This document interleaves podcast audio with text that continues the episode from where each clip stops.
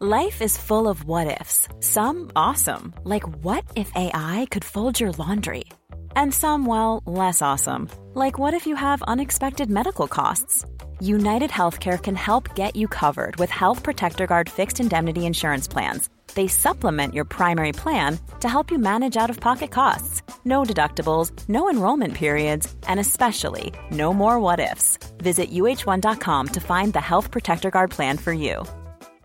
A lot can happen in the next three years. Like a chatbot may be your new best friend. But what won't change? Needing health insurance. United Healthcare Tri Term Medical Plans are available for these changing times.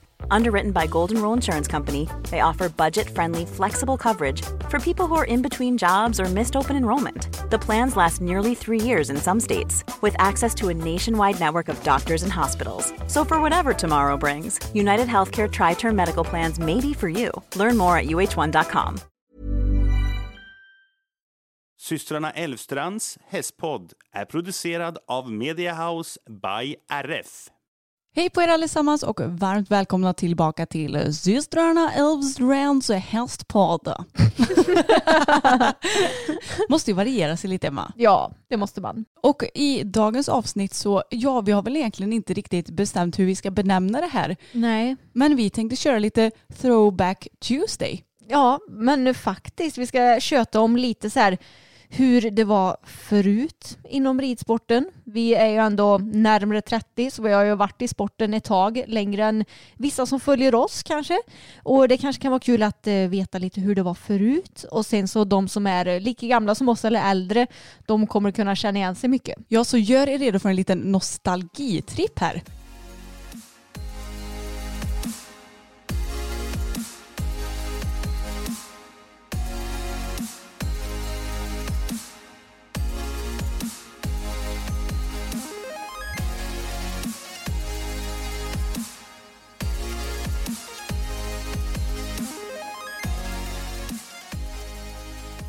Den senaste tiden så har det ju varit ganska så mycket hoppning i våra liv. Va? Ja, det har det varit. Det var ju lite mer dressyr inför dressyrtävlingen.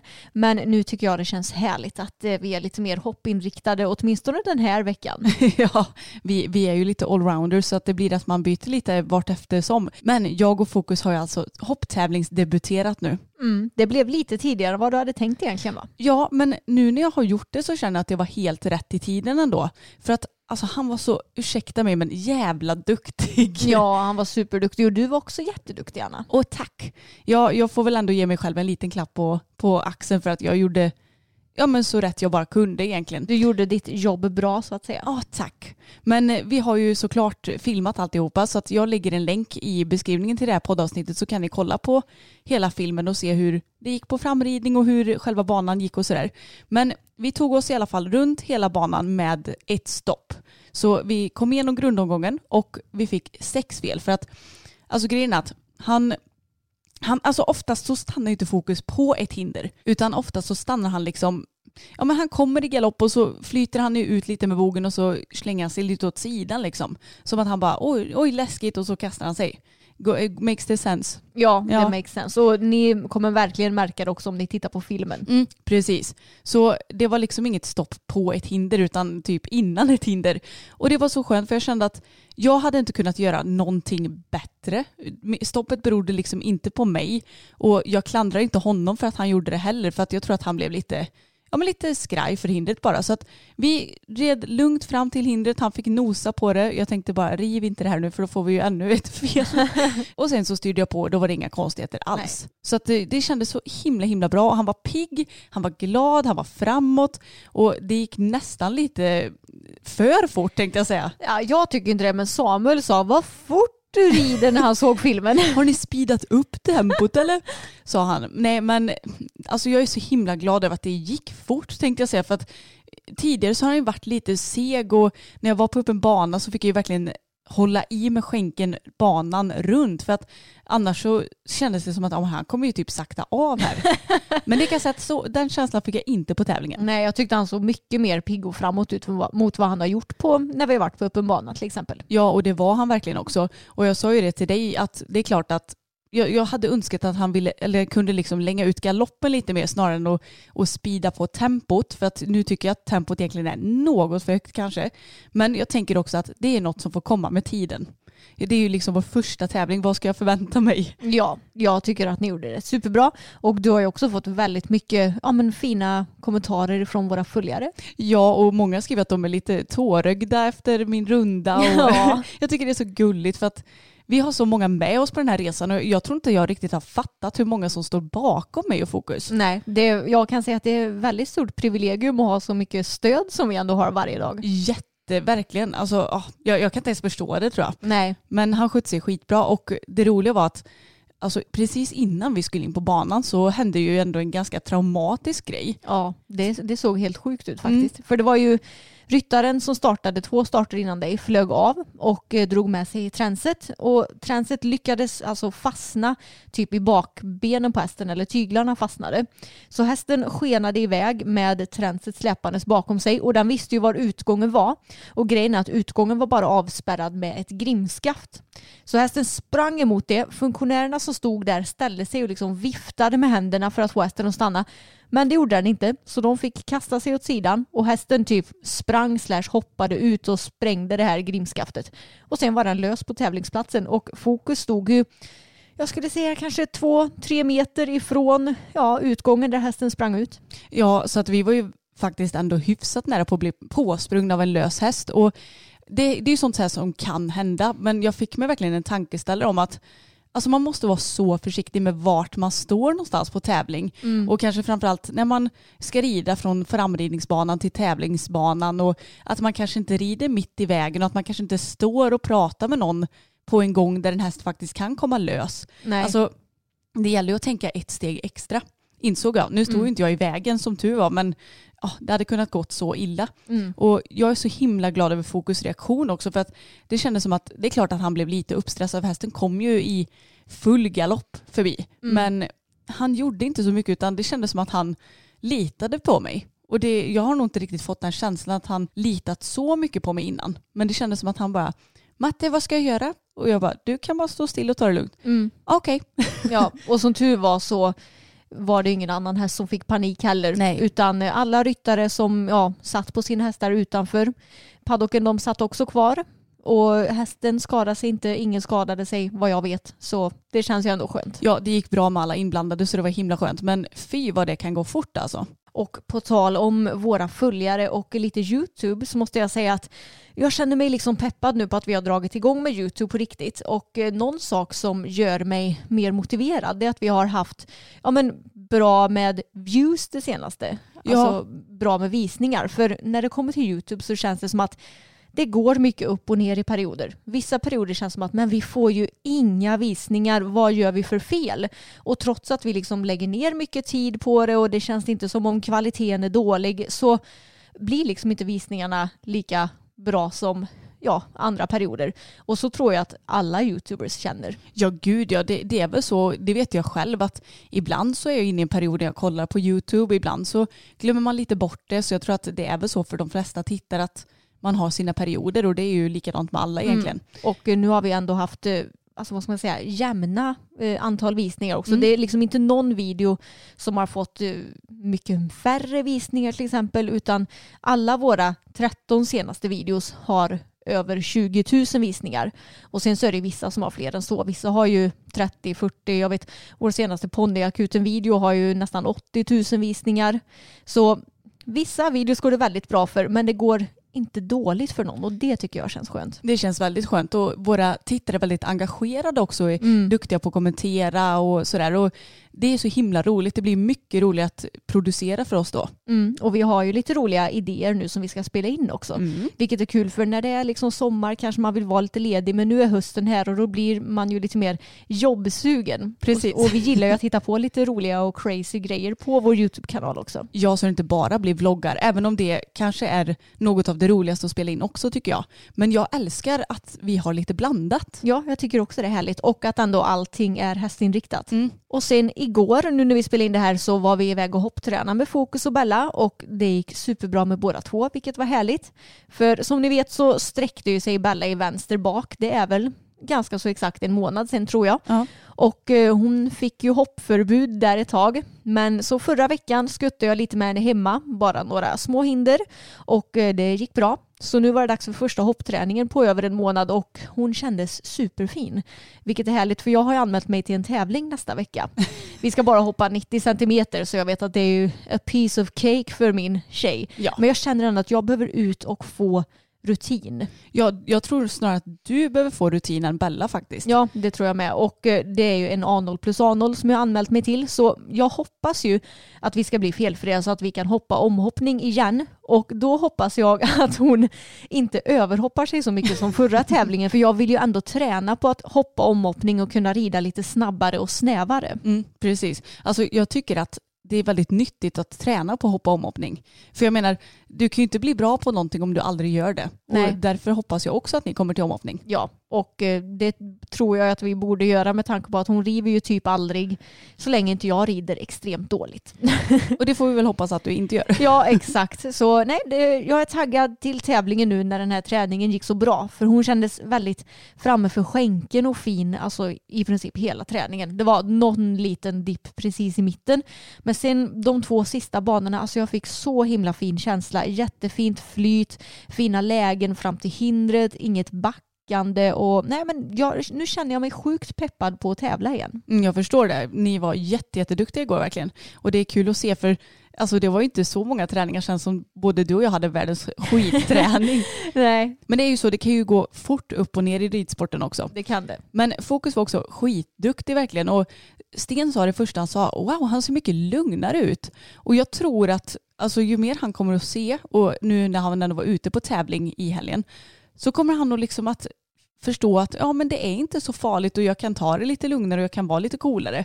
För han kände så mycket mjukare i kroppen. Och Alltså mitt största problem med fokus är att han flyter ut med bogen oftast och kan bli lite tjurig när jag ska sätta igång honom. Ja, det ser så roligt ut. Ja, men alltså, han är så rolig och jag, det var inga sådana tendenser på tävlingen till exempel. Så det är inte att han har ont någonstans, för det vet jag. Jag har ju vettcheckat honom och kollar honom regelbundet muskulärt också. Men det är bara så här, nej jag vill inte börja galoppera nu. Och så är han som en tjurig, liksom, jag vet inte, bebis tänkte jag säga, men Ja. eh, fyraåring typ, trots det är fyraåring som inte vill springa. Så tar det ett litet tag och så får, försöker jag driva och det är typ ingen idé att varken lägga på skänkel eller spö eller röst eller någonting för att han är ju fortsatt lika tjurig. Så att man får bara vänta ut honom och sen så till slut så går han fram. Men eh, det är typ de största problemen jag har. Annars är han ju helt fantastisk att rida på hinder. Han kan komma typ hur som helst, både stort och jättenära för han bara tjongar upp benen om han kommer lite nära. Och lätt att reglera. Vi kunde enkelt få sju språng där vi skulle ha sex språng när Sten sa till oss att vi skulle göra det. Alltså, ja, han är drömmig. Mm. Han börjar bli välriden nu Emma. Ja, det börjar han bli. Han såg verkligen superfin ut på träningen. Och jag måste säga att fördelen med både Fokus och Bella det är att de är väldigt försiktiga av sig hoppningen eh, utan att de blir eh, vad ska man säga, rädda av sig. Det har ju Fokus varit men Mm. nu har han fått mer och mer självförtroende. Och båda två är väldigt duktiga på att eh, ja, vad ska man säga, slänga upp sina små ben. De river ju väldigt sällan båda två. Ja, verkligen. Så att det är riktiga stjärnor vi har i stallet. Och det är tacksamt när man har ridit den här som Bopper i tio år för han är så här, du måste rida 100% rätt hela tiden annars så river han. Ja, gärna 120 procent Ja, rätt. exakt. Men eh, med våra två yngre stjärnor så behöver man inte tänka så mycket på det utan då kan man lite mer fokusera på att få ett ja, men bra flyt liksom banan runt. Mm, precis. Så att, eh, nu ska vi försöka förvalta de här stjärnorna för vad de är också. Exakt. Men på tal om tävling och stjärnor och hej och hå så är jag lite i valet och kvalet hur jag ska göra framöver. Mm. För jag och Fokus vi är ju anmälda till en lätt B3 i Näs den 27 september blir det ja. Ja. Och grejen att jag har ju fortfarande tid att avanmäla mig för jag är ju nämligen lite sugen på att ut och hopptävla. ja, för problemet är att du vill ju hopptävla och du vill hoppa 80 centimeter Mm. men det finns ingen 80 centimeters klass som vi kan åka på förrän i typ november eftersom vår ridklubb arrangerar tävling som du ska hjälpa till på. Mm. Så att det är ju verkligen ett moment 22 här känner jag. Ja, Och å andra sidan så vill jag ut på dressyrtävling också för att jag vill ju liksom att vi ska ut så mycket som möjligt så att vi kan någon gång kanske slappna av en smula. Men samtidigt så kändes det ju som att Alltså det är ju lite roligare att hopptävla för att då behöver inte någon gnälla på hans tunga. Nej. Och det kanske kan gå lite bra någon gång tänkte jag säga. Nej, nu, nu menar inte jag att det går dåligt på dressyrtävling. För det gör det ju inte. Alltså Nej. inte så sett. Även om förra tävlingen var en väldigt spänd sådan. Men jag vet inte, det är väldigt skönt att slippa bedömningssport också. Mm. Jag tycker att du ska göra det som du känner för. Du får ju tänka, eh, alltså vill jag vänta till i november med att hopptävla igen eller ska jag ta chansen nu? För jag menar det kommer säkert finnas ett större utbud av dressyrtävlingar som du kanske kan åka på. Och om du åker iväg och hopptävlar så kommer det säkert också gynna, vad ska man säga, spändheten på dressyrbanan, att den blir mindre. Ja, det är ju det jag tänker och det är ju också därför jag vill ut och hopptävla och dressyrtävla på samma gång. För jag tänker att ju mer skit han får se på hoppbanan, jag menar det står ju tjafs utanför banan som ska in i senare klasser och det är funktionärer lite mer precis bredvid hinder och alltså det ger ju lite mer tryck och intryck liksom. Alltså desto lugnare tror jag han kommer bli på dressyrbanan. Så att jag får verkligen ta en rejäl funderare på hur jag ska göra för att än så länge är det inte för sent för att avanmäla sig liksom. Nej. Men ja, det är så svårt. Jag önskar att jag kunde åka på båda två, men de är ju på samma dag. Ja, det går ju inte riktigt. Men ifall du åker och hopptävlar då, kommer du hoppa bara 80 eller kommer du köra på 80 och 90? Mm, jag tror att jag kör en 80-klass den här gången också, Mm. så får vi ta två klasser nästa gång kanske. Ja. Jag får se lite hur jag gör. Okej, men då ska vi då köra den här lilla nostalgitrippen Emma och vi har egentligen ett gäng blandade punkter, både lite hur det ser ut på tävlingar förr, men också lite hästhållningsmässigt som vi ju brinner för, vilket ni ju säkert vet Mm. vid det här laget. Och ja, men lite högt och lågt med hur vi kommer ihåg att ridsporten var förr och hur den är idag liksom. Ja, så man även får med lite ridsportens utveckling. För personligen så tycker jag att ridsporten har utvecklats mycket bara de senaste tio åren. Mm, jag håller verkligen med. Men jag tänker att vi börjar lite lågt här Emma. Ja. Och något som du och jag pratade om häromdagen, det är att idag så ser man ju knappt aldrig några murar på tävling. Nej. Och det var jämnt förr. Ja, alltså vi tävlar ju de lättare klasserna i hoppning som ni vet. Och eh, idag så tycker jag nästan bara att man ser murar i svårare klasser och på liksom större tävlingar. Men förr i tiden inom citationstecken, vad ska vi säga att det här var för typ 10, Ja, 12 12, år år sedan sedan. kanske. ja, kring, eh, ja men man kan säga kring 2008, 10 någon gång där. Mm. Alltså då var det mycket murar ute även på lokal nivå. Ja, och även på absolut lägsta klassen. Ja. För att jag vet att vi anordnade en tävling på vår förra ridklubb, Varortens ryttarförening, på vår förra anläggning liksom. Och då hade vi ju alltså mur i 80 centimeter. Ja. För jag vet att du och Tage, ni ramlade av i den där muren. Ja, och det fattar jag inte för han tittar ju inte på någonting så han stannar ju inte på den för att han var liksom tittig. Nej, jag vet, jag vet inte. Det kanske var du som var lite tittig på muren. Nej men jag tittar ju inte heller på muren för jag vet ju om att han inte tittar. Nej, ja, jag vet inte vad som hände men det... Nej, Han var ju som han var förr i tiden Ja. kan man ju säga. Nej, så nu för tiden ser man inga murar och jag tycker faktiskt att det är lite tråkigt och lite negativt för att jag menar rätt vad det är så kommer det en mur liksom i högre klasser och, och i OS och så som vi ju alla kommer tävla. Nej, jag skojar. Ja exakt. Men jag menar, det kommer ju kanske så småningom och då har hästen inte redan sett det när det är liksom 80-91 meter, ja, you name it. Ja precis. Ja överlag så skulle jag säga att hindren är mindre tittiga idag mot vad de var förr i tiden. Verkligen. För nu om vi tar på din senaste tävling till exempel. Jag förstår att det är väldigt olika beroende på vilken tävlingsplats det är. Men när det är de lägre klasserna, typ 80-90, då är det ju väldigt sällan ifyllnader i hindren. Det var bara ett hinder som innehöll en grind på den tävlingen som du var på. Och annars så kanske det är lite plankor och sådär som mest. Men det är ju väldigt sällan några alltså vad ska man säga, större titthinder och det var det förut. Jag vet att vi hade ju liksom lådor som stod under hindren när vi arrangerade tävlingar på vår förra klubb och ja men det var ändå tittigare hinder. Ja, och jag kommer ihåg att du och Bosse tävlade ju 80 och 90 i Brämhult för massa Mm. år sedan och de hade ett vågplank som ni väger ut det på. Bosse var i och för sig extremt tittig också. Vågplank är för övrigt typ det enda som Bella har tittat Mm. på. Alltså vi skulle behöva det och träna lite på tror jag. Ja, vi kanske får bygga ett vågplank hemma. Ja, jag tror det. Det är någonting som hon tycker är lite konstigt med det. Annars så har hon inte tittat på något hinder någonsin när vi har varit ute tror jag. Jo, julklapparna i Alingsås. Ja, men det, det var ju inte hindren. Det Ja, var, nej, ju, det är sant. det var ju det som var bredvid hindren. Ja, Mm. nej men alltså jag, jag är lite tudelad för att jag tycker ändå att en 80 cm klass det är ju det lägsta du kan tävla och det är klart att man vill ha en fin och trevlig upplevelse och att eh, det är säkert många hästar som tävlar sin allra första klass och att det då ska vara lite snällare. Men jag tycker att det har blivit lite för snällt. Ja. Jag håller menar med. annars så blir det ju en chock när det väl kommer in grejer. Ja, exakt. Och jag menar när kommer grejer in från och med typ en meter, då blir det ju stor skillnad från och med då istället kanske. Mm, precis. Och det känns också som om typ vattenmatta var vanligare förut. Mm. Det ser jag nästan aldrig på tävling nu heller. Nej, jag vet att vi brukar väl ta in det först i typ lätt B-nivå, det vill Mm. säga 1,10 för häst va? Ja. Mm.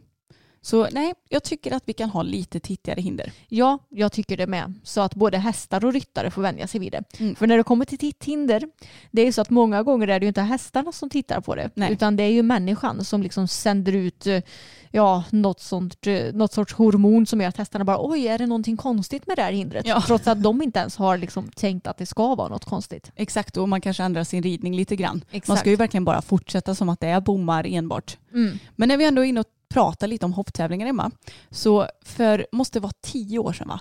Då Mm. var ju 95 cm den lägsta klassen man kunde rida. Ja, alltså jag vet att Ridsportförbundet kom ju på någon jävla dålig ändring då. Mm. För förut så hade de ju att både typ 80 och 90 som det är idag, att det kunde vara klasser.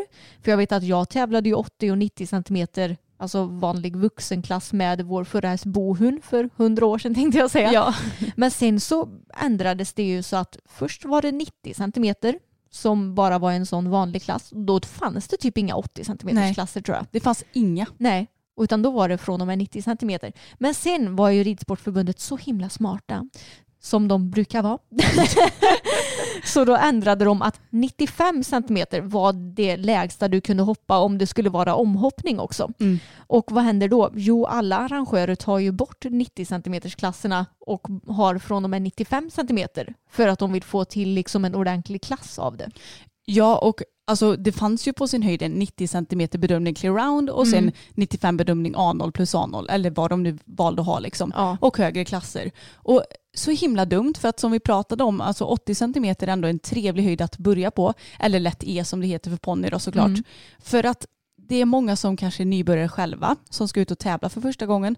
Eller så har man en unghäst som kanske aldrig har varit ute på något liksom, tävlingsarrangemang och man vill gärna komma runt. Så som jag gör med Fokus nu. Han Mm. är förvisso tio men jag behandlar honom som en fyraåring ungefär. Eller så är det helt enkelt hästar som inte klarar av att gå högre klasser. Ja, det är väl jättekul om typ kallblod och kanske ridtravare, alltså vissa hästtyper som kanske inte kan gå de högre klasserna, att de också får möjlighet att tävla lite lägre och inte bara clear round, för hur kul är det att rida hela livet liksom? Nej. Utan att man får en ordentlig klass så att det blir ett tävlingsmoment av det. Mm. Och som Tage till exempel, han har ju inte riktigt självförtroende. Alltså han skulle kanske eventuellt kunnat fixa en meter. Då måste han komma bra på alla hinder. Ja, med, med typ Sillan, Ja. vår kompis som har hoppat honom en del. Inte med mig. Men för honom är det ju perfekt att gå 80-90 för att han har, det är liksom där han känner sig bekväm. Mm. Och då är det väl hur kul som helst om han kan få åka ut och liksom leka runt de klasserna. Mm. Men jag vet inte om Ridsportförbundet tänkte att det skulle bli mycket mer så här fulridning i 80 centimeter med omhoppning. Jo, ja, det var säkert något sånt som de tänkte. Ja, men jag tycker det är så roligt för att jag är ju ofta banchef när vi har hopptävlingar och eh, jobbar då nära med banbyggare och sånt, vilket jag tycker är jätteroligt. Och de planerar ju alltid väldigt bra så att man inte ska kunna fulrida. Mm. De sätter liksom banor så att det ska vara något hinder i vägen så man kanske måste rida runt. Eller om de ställer någon flagga någonstans så att ja, men man inte ska kunna göra riktiga sådana här, ja vad ska man säga, supersnäva svängar. Ja, Så att jag menar, jag, jag förstår inte att det ens var ett problem då. nej. Jag vet inte, red folk värre förr i tiden? Jag tror inte det. Nej, jag tror inte det heller. Nej, och jag menar, kollar man nu på en eh, 80 centimeters klass till exempel så tycker ju inte jag att man ser någon, vad ska man säga, ful eller flängridning utan den som vinner den vinner för att den rider snabbt och eh, snävt utan att det är liksom okontrollerat. Mm, jag snackar jag verkligen ju generellt, det är klart att det finns alltid undantag. Ja,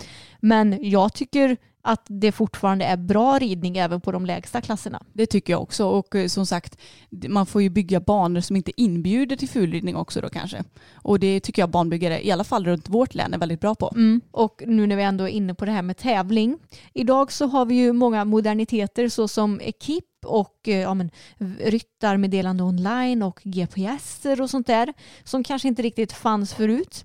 Så förr i tiden när vi skulle tävla innan eh, mobil-GPSernas tid då fick man ju skriva ut en vägbeskrivning. Och Mm. den här fanns ju antingen typ i ryttarmeddelandet eller så kanske man gick in på Eniro eller något sånt där och skrev ut någon vägbeskrivning.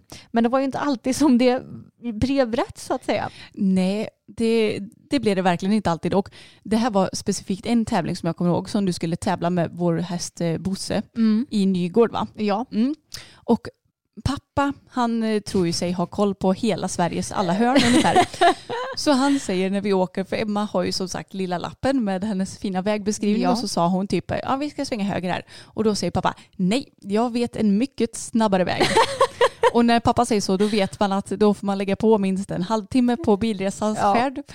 Och mycket riktigt så hamnar vi ju helt åt fanders Mm. och det var ju kanske inte just vägbeskrivningens fel den gången. Nej. Men det har ju hänt att vi har hamnat fel trots att vi försökte att läsa vägbeskrivningen. Ja, men den här gången så körde vi ju vilse på riktigt. Jag skulle starta Nygård, jag vet inte om de har det fortfarande, det har de kanske, men Jag tror det. terränghoppning så att man börjar att hoppa ett par hinder i paddocken och sen går man ut på en gräsbana och hoppar hinder. Mm. Inte liksom fasta terränghinder kanske utan det var kanske någon bank och sen så är det liksom vanliga hinder som står ute i gräset. Jätterolig Ja. tävling för övrigt. Verkligen.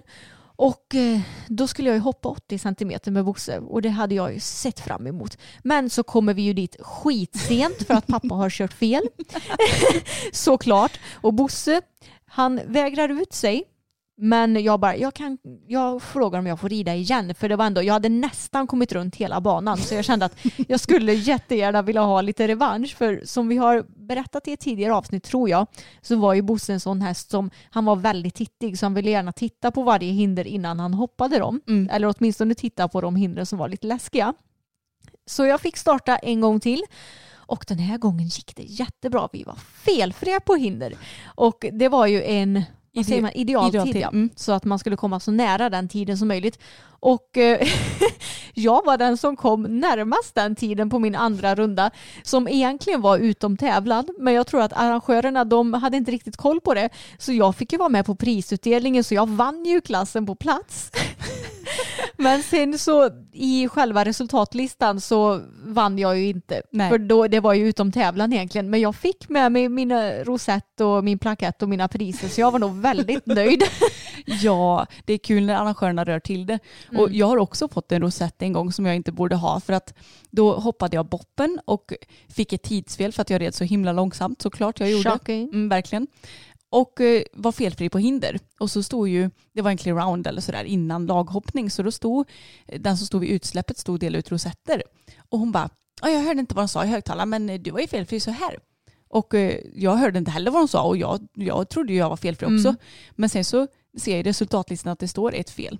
Så den skulle inte jag egentligen haft, men Nej. den har jag hemma. Ja, den knep du åt dig ändå så att säga. Ja, nej men på tal om det här med vägbeskrivning och sånt, alltså det är ju verkligen en lyx idag att Google Maps finns, man kan gärna skriva i adressen och man kommer oftast rätt. Men sen kommer man ju fel ibland trots det. Ja, Men nu för tiden finns det ju ändå så här telefoner, men man kan ringa till sekretariatet som kan lotsa en. Alltså förr i tiden, du fick ju klara dig själv. Ja Körde du fel, ja, too bad, lös det. Ja, ja, men eh, alltså typ så. Och eh, om man kollar liksom ännu längre tillbaka i tiden, då, då fanns ju inte TDB Nej. och inga tävlingar på internet utan man bestämde ju tävlingsterminen tidigt och sen skickades det ju ut som en, eh, säga, häfte ett typ, häfte med alla Mm. tävlingar. Så här är det lokal tävling och där är det regional tävling och så det var väl för distrikt för distrikt tror jag och i olika grenar så då fick man läsa i ett häfte vilka tävlingar som fanns och sen fick man väl anmäla sig, ja jag vet inte ens hur anmälan gick till för det här var ju innan vi började tävla. Jo men det vet jag. Mm. Man, kommer du ihåg de här lapparna vi hade på ridskolan? Ja. Mm, då får man fylla i sig hästens namn, mor och far, ras, Mm. ålder, ryttarens namn och hela köret och så klasser. Och så There's never been a faster or easier way to start your weight loss journey than with PlushCare.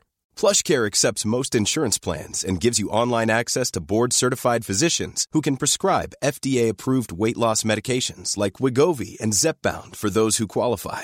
Take charge of your health and speak with a board-certified physician about a weight loss plan that's right for you. Get started today at plushcare.com slash weight loss. That's plushcare.com slash weight loss. plushcare.com slash weight loss. Quality sleep is essential. That's why the Sleep Number Smart Bed is designed for your ever evolving sleep needs. Need a bed that's firmer or softer on either side? Helps you sleep at a comfortable temperature? Sleep Number Smart Beds let you individualize your comfort so you sleep better together. JD Power ranks Sleep Number number 1 in customer satisfaction with mattresses purchased in-store. And now, save 50% on the Sleep Number limited edition Smart Bed for a limited time. For JD Power 2023 award information, visit jdpower.com/awards. Only at a Sleep Number store or sleepnumber.com.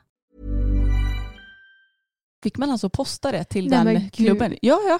Så gick det till. Alltså det här är inte så länge sedan ändå. Nej, det är det inte. Nej. Och det låter ju helt sinnessjukt när vi Mm. idag har liksom ett utarbetat datasystem med Mm. att det bara är att klick, klick, klick och så klagar liksom folk på att de tycker att det är krångligt att betala nu. Men herregud, ja. Mm.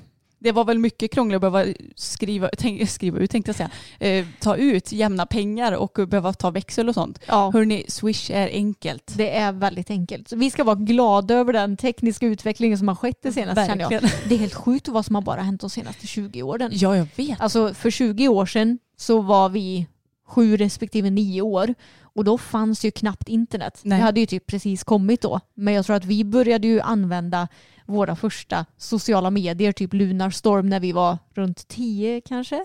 Ja, ja, du var nog typ, ja jag var nog nio och du elva tror jag. Ja, Ja, det var nog i samma veva som vi började med hästarna då. ja precis. Ja, herregud alltså. Det är kul att tänka tillbaka.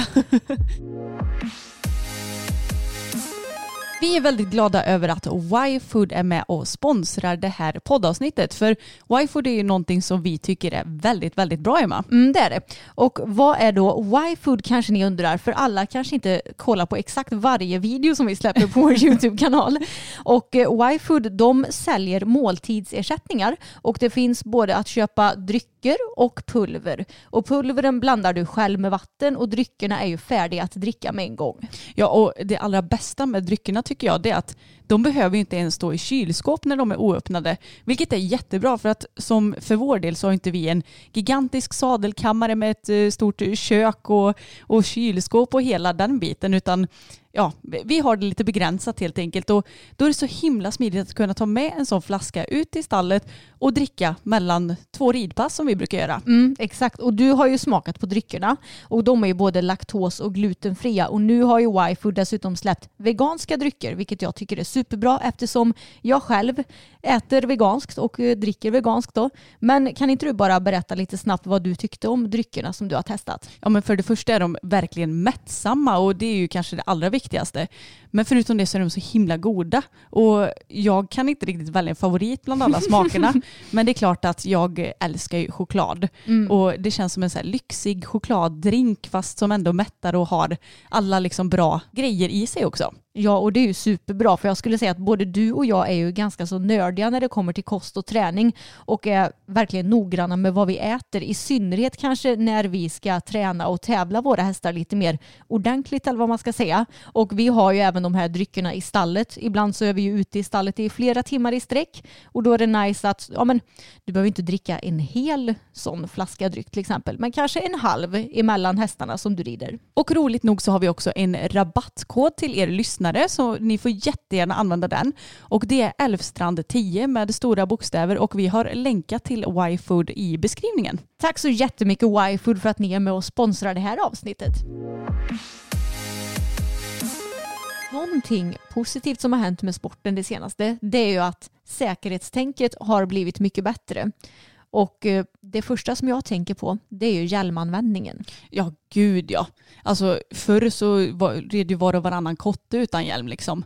Men nu för tiden ser man ju inte alls det i samma utsträckning. Nej. Och det är jag jätteglad för för jag tycker det är urbota korkat att rida utan hjälm alltså. Det är ju verkligen det. Alltså nu ser man ju väldigt sällan ryttare rida utan hjälm och om man ser någon på typ Instagram som rider utan hjälm, det första som jag tänker det är att jag blir irriterad Mm. och det andra jag tänker är vilken jävla korkad människa det där är. Jag tänker verkligen exakt så. Ja.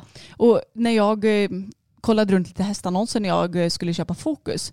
Då, så fort jag såg någon annons utan hjälm, där ryttaren red utan hjälm, alltså, då gick inte jag ens in på den. Nej. För jag blev så här, nej jag tänker, jag blir typ så här, nej jag tänker fan inte stödja den som rider utan hjälm. Nej. Men det är så oprofessionellt och Ja. korkat bara. Nej. Så det här med hjälmanvändning, jättebra att det har blivit mer vad ska man säga, normaliserat. Och jag minns på ridskolan förr i tiden, alltså när vi precis hade börjat rida och var i tioårsåldern, då hade de ju lite så här gamla utbildningsfilmer med Jan Avannius tror jag. Mm. Och eh, på den tiden, alltså jag tror de filmerna var från kanske 80-talet, ka- möjligtvis början av 90-talet. Ja, det kan nog stämma. Och eh, han red ju visserligen med hjälm, men hjälmen hade ju inget hakband. Jag vet. Och jag, jag vet också att, ja men för man har ju sett så tävlingsbilder också med, när de rider med sådana hjälmar. Och jag vet också att, ja men den kunde ju flyga av. alltså det är inte så konstigt, jag menar om du ska ha en hjälm utan hakband då måste den ju sitta som, ursäkta men fan om den ska sitta kvar. Ja. Så jag menar, då får man väl huvudvärk av den där stackars hjälmen om den ska behöva sitta åt som tusan. Ja, alltså jag undrar lite när hakband kom och blev modernt. Alltså vem, jag förstår inte vem som designade en hjälm utan hakband, vad den tänkte med. Inte jag heller, för jag menar om man tänker så här militärhjälmar och sånt, de kan ju inte ha haft inte något hakband. De måste ju ha hakband eller? Ja, jag vet inte. För ridsporten är väl ändå lite från militären? Jo, Ja. det är den ju. Men de hade väl säkert inga hjälmar överhuvudtaget Nej, såklart. nej, de hade ju någon keps eller något. Men du, Emma, när vi ändå pratar om hjälmar, Mm. kommer du ihåg vad som var populärt för hjälmar när vi gick på ridskolan? Ja, Jofa-hjälmarna. Ja, det med. Men de hjälmarna med hakskydd också. Ja, just det ja. Ja, så, så hakan låg liksom i en liten skål. Mm. Det ser, jag, jag har nog inte sett det sen vi red på ridskolan. Nej, inte typ. jag heller tror jag. Spännande. Om det är någon av våra lyssnare som har en sån hjälm så får ni gärna skicka en bild för jag kommer knappt ihåg hur det ser ut. Jo, jag kommer ihåg hur det ser ut. Ja, Men, jo, det gör jag, men- jag vet inte om jag tyckte, alltså jag gillar ju inte när hakbanden sitter för tight på min haka eller på min Nej. käke eller man ska säga. Men framförallt så funderar jag på om hjälmen faktiskt sitter korrekt när man har en sån där hakskål. För att jag vet att en korrekt hjälm ska egentligen sitta, alltså man ska ju gärna ha den så att den sitter ganska nära ögonbrynen på sig själv. Det beror väl säkert på hur höga ögonbryn man har förstås. Men ni förstår vad jag menar, den ska ändå täcka mycket av pannan. Ja. Men sen så ska ju hakbandet inte sitta för långt fram på hakan tror jag, utan den ska ändå sitta, ja men om du ja, tänker dig. Ja, det är sant. Närmare halsen eller vad man Ja, ska säga. den ska ju sitta på dubbelhakan så att säga. Ja, ja men Mm. precis. Det är väl ändå bra beskrivning. Ja, Så en sån hjälm kanske inte sitter korrekt. nej. Nej, nu när du säger det så it makes total sense. Men vad tänker du mer på säkerhetsmässigt som har utvecklats då sen förr? Ja, men säkerhetsvästar också. Jag minns att, eh, alltså jag vet inte ens när den första säkerhetsvästen kom ut på marknaden. Det var ju garanterat innan vi började rida. Ja.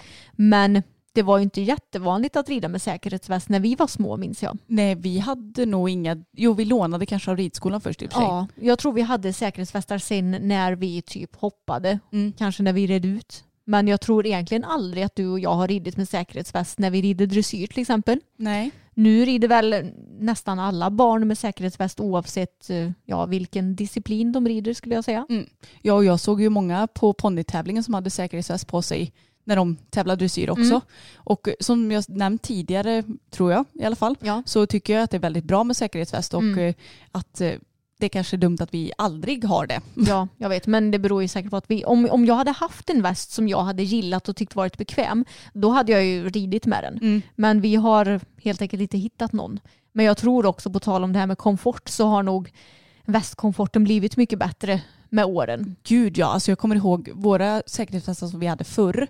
De var ju liksom i ett helt stycke i fram, ett helt stycke i bak och så satte man liksom fast dem, dem på sidan med en kardborre. Mm. Och alltså på vintern, kommer du ihåg hur vidriga de var innan man hade blivit varm? Ja, de var jättestela. Så stela och man fick typ alltså stanna så här halva ridpasset in för att spänna åt dem för att jag vet inte, de var ju som två plåt, eh, jag vet inte, oformliga plåtar bara liksom. Ja. Så nu är det mycket bättre med sådana här små paneler som gärna formar kro- runt kroppen lite bättre. Mm. Så det har ju också utvecklats väldigt mycket. Ja, och sen har det också kommit med uppblåsbara västarna Mm. som många terrängryttare rider med. Och även ja, men andra sorters eh, säkerhetsvästar, typ de som bara skyddar ryggen, Mm. pratade vi om i förra Ja. avsnittet. Sådana ryggskydd. Ja, precis. Och lite ja, men nättare liksom, Mm. västar.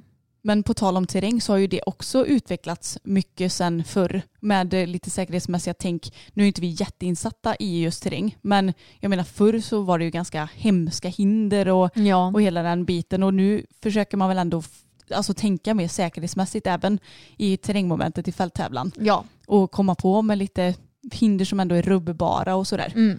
Så det är ju också något som ändras väldigt mycket tror jag och ändras ständigt. Men på tal om det här med hjälmar och säkerhetstänk. Jag tror också att många idag tänker på att vara bra förebilder till yngre. Eh, Vi försöker ju tänka på det till exempel. Mm. Och eh, Ponnyakuten, vi har ju reagerat på Ponnyakuten tre gånger hittills. Vi har alldeles nyss spelat in vår fjärde reaktionsvideo. Och det var lite roligt för i den så ser vi Jan Brink när han ska typ göra någon sorts dressyruppvisning för barnen som är säkert mellan typ 10 till 14 år skulle jag säga generellt. Och han sitter på sin häst utan hjälm. Mm. Och jag tror faktiskt inte att samma sak skulle ske idag. Men grejen att det avsnittet som vi reagerade på det var väl inte för så länge sedan? Jo, det var säsong ett. Ja det var säsong ett Mm. ja, just det. Och det spelades in typ 2010 kanske? 2010. Nio kanske? Ja. Ja. men drygt tio år sedan Ja, kan vi säga. okej. ja.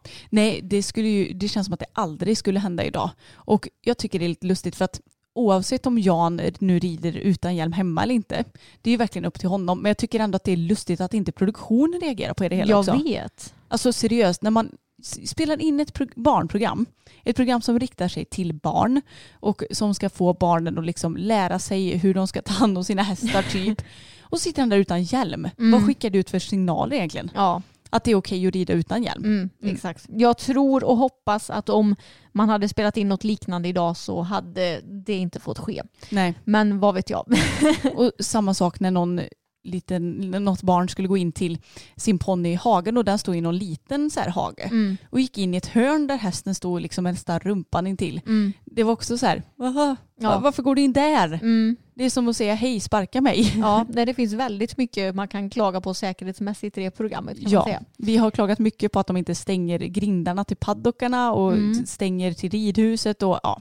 Ni får helt enkelt titta på de avsnitten om ni vill ha mer av ponnyakuten. Ja. och därför är jag så glad över att det har blivit ändrade regler på tävling också. För förut så, det var väl krav på att man skulle rida i hatt från och med en viss nivå.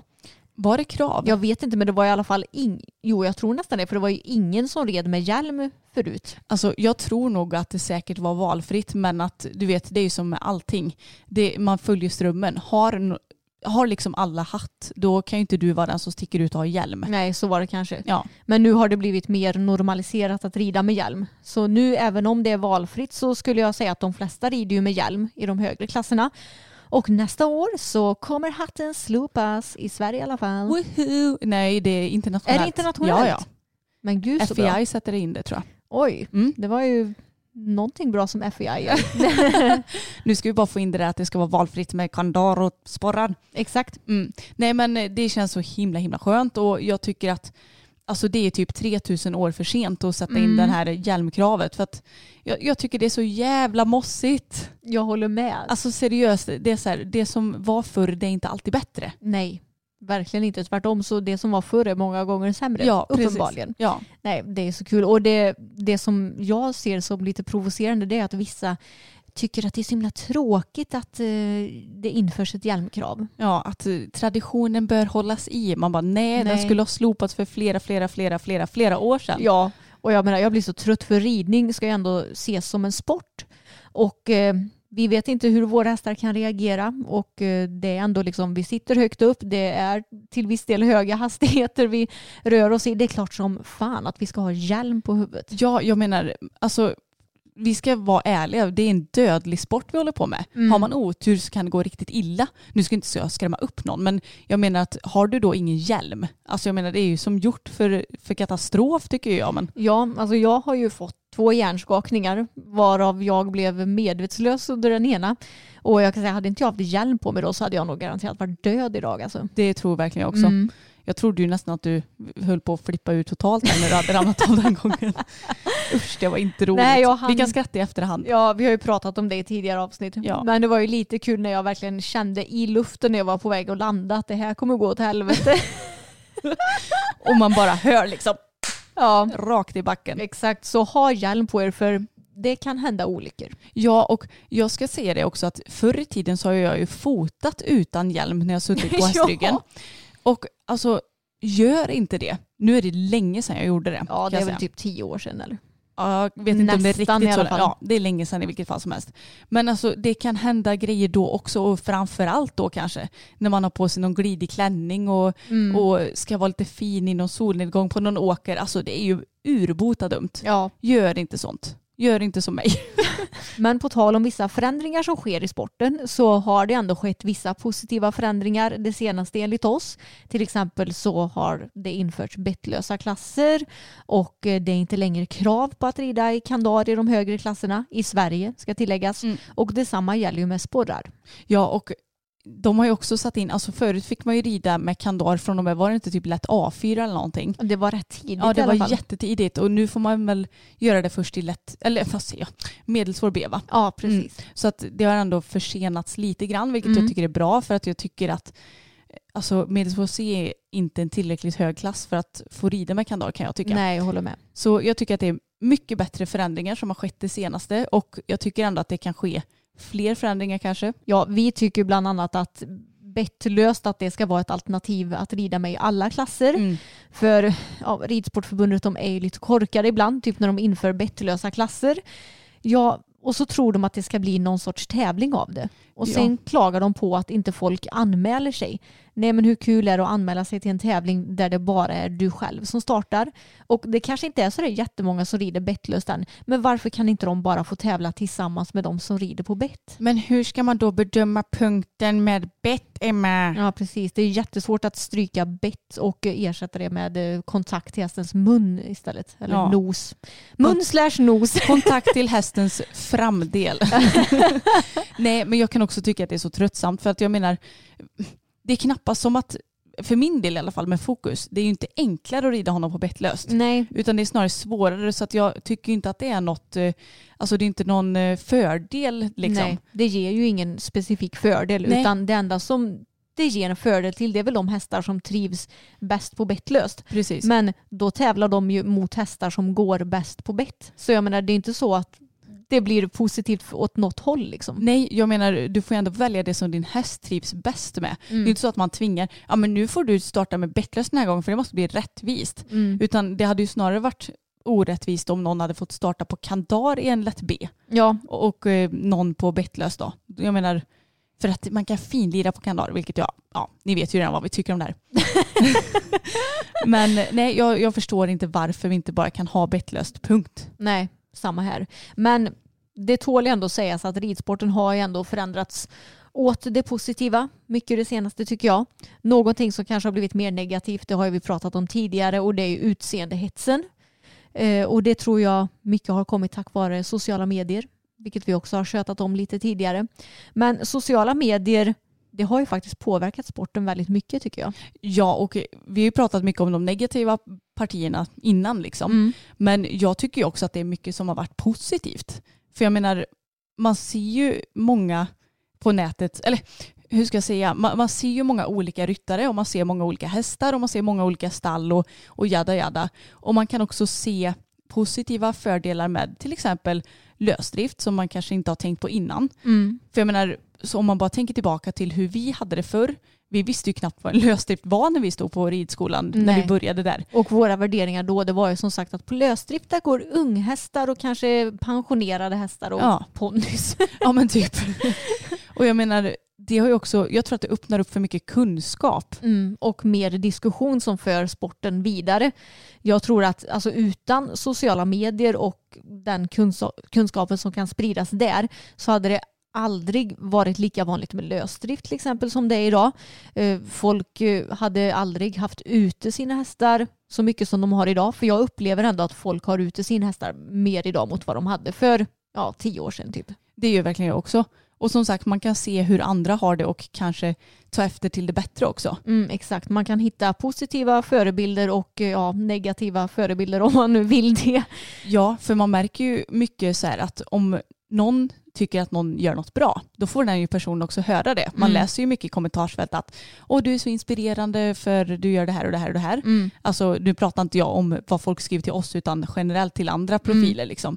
Men sen så ser man ju också att när någon kanske lagt upp en video där hästen går bakom lod eller om eh, vad, vad det må vara, då får de ju höra det också. Vilket Mm. ju såklart är på gott och ont för att jag menar vissa saker som om att en häst går bakom lod, det behöver inte vara självvalt. Det kan ju Mm. vara att hästen är svag och inte orkar gå på lodplan. Men Mm. ni förstår nog vad jag menar. Att Mm. folk är nog bra på att sålla vilka personer som är bra förebilder och vilka som är dåliga förebilder. Jag tror det med och jag tänker som så att ifall du befinner dig på sociala medier så kan du också välja vad du ska dela med dig av. Och vi tycker ju väldigt mycket om att dela med oss av ja, men våra hästars liv och att de har ett naturligt hästliv till exempel. Och då får vi också många ja, fina kommentarer om det. Och någon annan som också får mycket positiva kommentarer om sin hästhållning och träning det är ju Karl Hedin till exempel. Mm. Han är ju också en stor förebild för många och det är liksom kul att se att även om han jobbar professionellt med hästar och även om han tävlar på en högre nivå så låter han ändå sina hästar vara hästar. De får gå tillsammans i hagar, i flock, de rids ut och får ha ett väldigt trevligt hästliv. Och Mm. det är viktigt att det finns sådana förebilder på sociala medier. Verkligen. Och sen tycker jag också att man ser många diskussioner på till exempel Facebook. Nu är det ju så himla bra för förr i tiden eh, ridsporttidningarna, de fanns ju i princip bara i fysisk form. Men nu är det ju väldigt många artiklar även online som delas på till exempel Facebook av tidningarna och då blir det ju även diskussion i de kommentarsfälten. Och jag tror att många av de här diskussionerna leder också vidare till sportens utveckling. För hur många gånger har man till exempel inte sett om någon eh, tidning som delar en jättefin hästgård men så har den jätteliten mark och då är det jättemånga som kommenterar det. Jag tycker inte att en hästgård borde ha så lite mark och hästarna kan inte gå i tillräckligt stora hagar och liksom sådär. Ja, men verkligen. Jag tycker också att det är jättebra för att även om som sagt allt är väl på gott och ont, att vi behöver kanske inte diskutera allt. Men samtidigt så är det ju sådana saker som är viktiga att diskutera som gårdsstorlekar. Mm.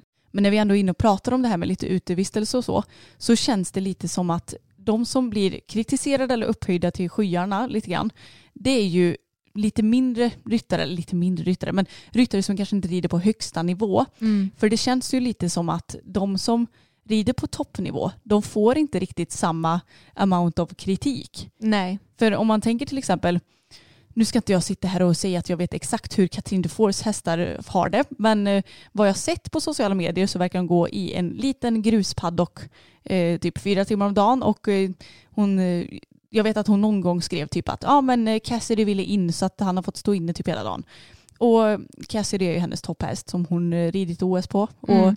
och sådär. Och jag menar hon får inte några kommentarer om att eh, ja, varför står han inne så mycket och varför får inte han gå i stora gröna hagar och, och jada jada utan jag tror att där är folk för insnöade på att proffsen vet bäst. Ja, eller att man inte ska kritisera proffsen. Ja. För att ja, men det här är ju ändå en sport så det är klart att eh, proffsen måste eh, få ha sina hästar inne eller vad det nu kan vara. Mm. Och herregud, jag förstår att Cassidy är ju värda, jag, jag vet inte hur mycket, hur många miljoner han är värd liksom. Men jag tycker fortfarande att det är så tråkigt att se att, ja men det, det är liksom, det är bara så här, det spär på mina fördomar så mycket om Ja. proffsryttare att så här, de får gå i en liten, liten, liten, liten hage. Han, alltså Mm. han skulle aldrig kunna, jo han kan göra galopppiruetter i den lilla Ja. hagen jag har sett honom i. Mm. Han har liksom skydd från topp till tå. Alltså Mm. får gå ute f- max fyra timmar om dagen. Det är så här, ja men det är exakt så jag tänker att folk, proffsfolk gör. Ja. Kanske ja. i synnerhet dressyrryttare. Ja, jag vet. Och grejen är att om en vad ska man säga, amatör hade visat upp att den håller sin häst på det här sättet, oj, oj, oj, den hade fått så mycket skit för det. Alltså den hade blivit kastad till vargarna liksom. Verkligen. Så varför blir inte proffsen kritiserade på samma sätt? Ja. Det är det som jag fortfarande kan tycka är lite negativt, det är kanske fel ord att säga, men det visar ändå på att auktoriteten, auktorit, de, auktoritär, De auktoritära. de auktoritära i sporten har, eh, alltså, ja, eller har så mycket respekt tydligen ifrån andra personer. Även om jag själv absolut inte skulle stå bakom den hästhållningen eller håller med. Liksom. Nej, och i och för sig så kanske det, det här är också lite roligt att vi diskuterar för att jag skulle ju aldrig i livet varken kritisera eller hylla någon var, om den har någon bra eller dålig hästhållning tror jag. Eller jo, det är klart att jag kan hylla någon om den har en bra hästhållning. Men jag skulle ju aldrig gå in på ett konto och bara kritisera någon i och för sig. Nej. Men det är lite lustigt för att man ser ju mycket kritik runt omkring Mm. men aldrig hos de här Nej, stora ryttarna liksom. nej, precis. Utan där får de ju bara positiva kommentarer, kanske när de lägger upp ridfilmer eller när de vinner någonting till exempel. Mm. Men de får ju sällan frågor om hästhållningen. Mm. Och vi har ju också positiva förebilder där. Peder Fredriksson till exempel, eller hela liksom Grevlundagården Ja, är ju verkligen ett eh, väldigt gott exempel på att du kan lyckas och vara bland de absolut bästa i världen och ändå ha en bra hästhållning, träna dina hästar varierat och verkligen respektera hästarna som de djur som de faktiskt är. mm. så det är ju härligt att se att det faktiskt finns sådana för att ja men som sagt lite fördomsaktig är jag nog när jag säger att jag tror att de flesta har det som ja Katrin Dufour till exempel. Ja, det det tror som jag har sett ska jag tillägga. Ja, man får ju, hon har ju ändå lagt ut det på sin Instagram så då får man ju ändå anta att det är så det är. Ja men exakt det är, ju, det är ju min verkliget nu av hennes hästhållning i alla fall. Ja, samma här. Så att jag menar, har hon det inte så då får hon fan skylla sig själv att hon inte har visat upp det. nu låter jag hård där men det är sant. Det är sant. Som vi sa förut, man väljer vad man lägger ut och visar offentligt. Ja men det här blev ju som sagt ett avsnitt med mycket högt och lågt. Men jag tyckte det var ett väldigt roligt avsnitt att spela in. Ja men verkligen och det är lite lustigt att så fort du och jag ska typ diskutera någonting då hamnar det alltid i hästhållning. Jag vet, Det är verkligen vårt hjärteämne. det är vårt hjärteämne och det är kul och det är något som behöver utvecklas runt om i världen känner vi. Verkligen. Ka- kanske allra mest runt om i världen, kanske inte som mest i Sverige. Nej. Även om det finns såklart finns stallar här som också behöver utvecklas. Verkligen. Men generellt så har vi ju det bra här i Suecia. Suecia. Mhm. Och vad var det för språk? Espanol. Det är spanska. Mm. Ja. ja, ni hör ju, vi är så himla internationella jag och Emma. Du är tysk och jag är spansk. ja.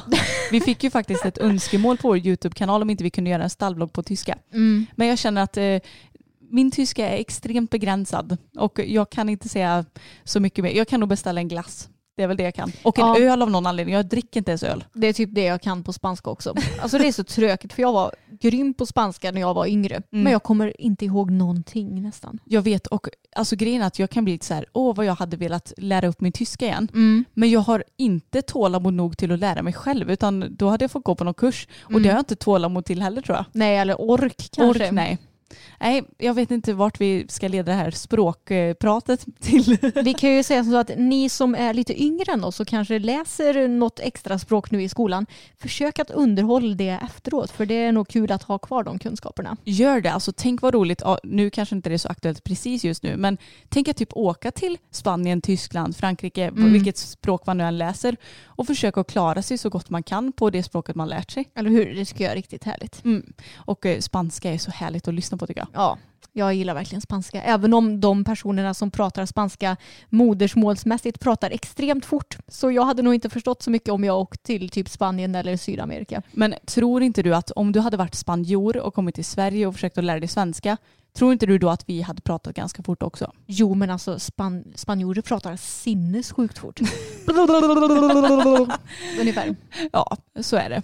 Vi hoppas att vi inte pratat lika fort i det här poddavsnittet som, som spanjorerna. Så får vi väl hoppas att ni gillade det här avsnittet. Mm. Glöm inte bort att prenumerera på podden om ni gillar den och ni får hemskt gärna tipsa er andra hästintresserade kompisar och eh, familjemedlemmar om den. Ja, jättegärna. Ha det så gött nu så hörs vi igen om en vecka. Adios amigos! Tjus!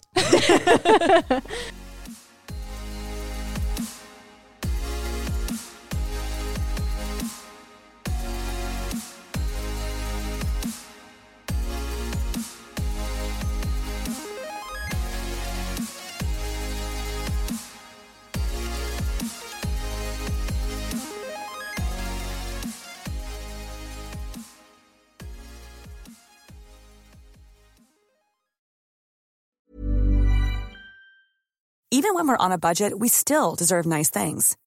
Quince is a place to scoop up stunning high-end goods for 50 to 80% less than similar brands. They have buttery soft cashmere sweaters starting at $50, luxurious Italian leather bags, and so much more.